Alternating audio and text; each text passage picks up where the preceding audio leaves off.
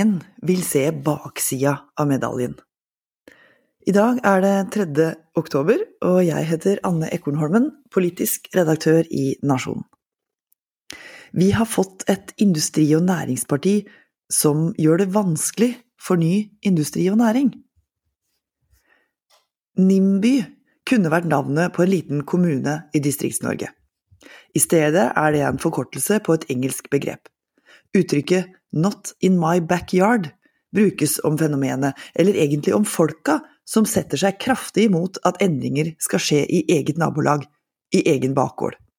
Jo da, alle vil ha bedre veier, for eksempel, men bygginga av dem må ikke føre til inngrep i naturen eller skape støy, klimautslipp og ulemper der vi bor.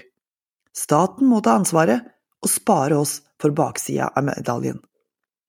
Vi roper på mer kraft, bedre nett, billigere strøm, grønnere næringsutvikling.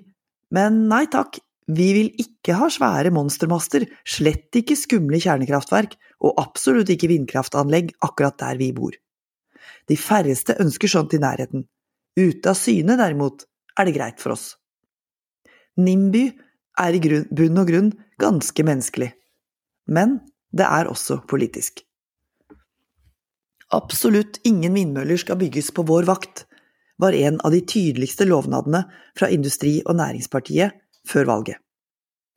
Det bør altså ikke være noen overraskelse at saker om utbygging av vindkraft nå blir lagt i skuffen i mange kommuner der INP har kommet til makt gjennom at partiet er i vipeposisjon. I Grenland i Telemark utgjør INP nå tunga på vektskåla. Både Ap i Porsgrunn og Høyre i Skien har, for å sikre seg sjøl makt, gått med på det ferske partiets ultimatum og forplikta seg til å ikke utrede vindkraftprosjekter de neste fire åra. Dette skriver nrk.no.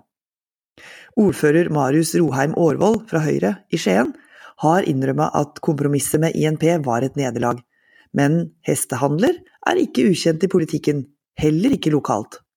Kamelen er svelga.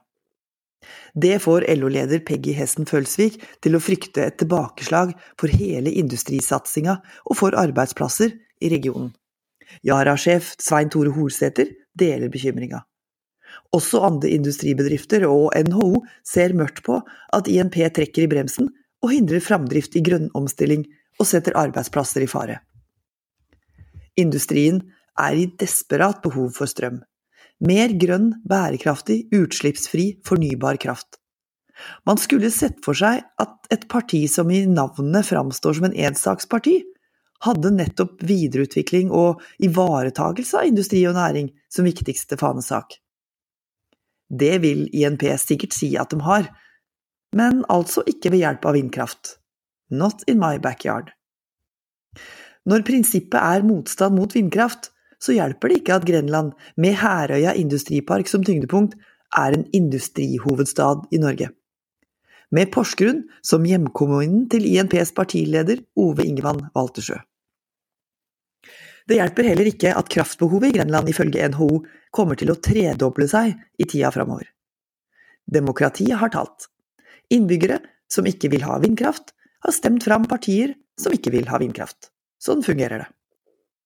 Påtroppende ordfører i Porsgrunn, Jannike Andreassen fra Arbeiderpartiet, peker på at 70% av velgerne i byen stemte på partier som sa nei til konsekvensutredning av vindkraft. Mon tru om de samme velgerne tenkte på arbeidsplassene? Sine egne attpåtil? På det grønne skiftet og på klimakrisa? I Lebesby kommune sier de ikke NIMBY. Her fikk Arbeiderpartiet 55,4% av stemmene og Høyre 18,9% ved valget. Det er et veldig klart signal om at innbyggerne i Finnmarkskommunen, som allerede har én vindpark, er klare for mer kraftutbygging. Folk har gitt full støtte til de partiene som sier ja til de 300 vindturbinene som er planlagt for å bidra til elektrifiseringen av Melkøya. Ap-ordfører Sigurd Rafaelsen ble gjenvalgt med et brak. Han forsikrer innbyggere i den fraflyttingstrua kommunen om at det skal satses på kraft, vekst og aktivitet. Tilhengerne håper at vindkraftutbygging vil gi flere arbeidsplasser og strøm til også nye industrietableringer. En potensielt kraftig økning i kraftinntekter til kommunen må da naturlig nok veies opp mot hensynet til uberørt natur, reindriftsbeiter og samiske rettigheter. Det er vanskelig. Det krever dialog og utredninger. Og det har gått gærent før. Derfor er det bra at kommunene har fått mer innflytelse og det siste ordet i saken om kraftutbygging. Arealbruken må avklares og avgjøres lokalt. Kommunene har også lov til å endre standpunkt og si nei til et prosjekt helt fram til konsesjon er gitt. Men som olje- og energiminister Terje Aasland har presisert, alle kommuner bør se om det er arealer de kan bygge ut på en skånsom måte. Og dermed er vi tilbake til Industri- og Næringspartiet, som vil utvikle gass, kjernekraft og mer vannkraft framfor vind. Det er heller ikke uten kontroverser, og kan bli krevende politikk i praksis. INPs partiprogram skal framover bryne seg på virkeligheten, og på mektige næringslivsaktører. De har fagforeninger med mange medlemmer, også kjent som velgere. Nå har du hørt Nasjonen på øret. Dette her var Anne Ekornholmen som har lest, og vil du ha flere kommentarer, hører du dem der du finner din andre podkast, eller på fronten av nasjonen.no. Vi høres!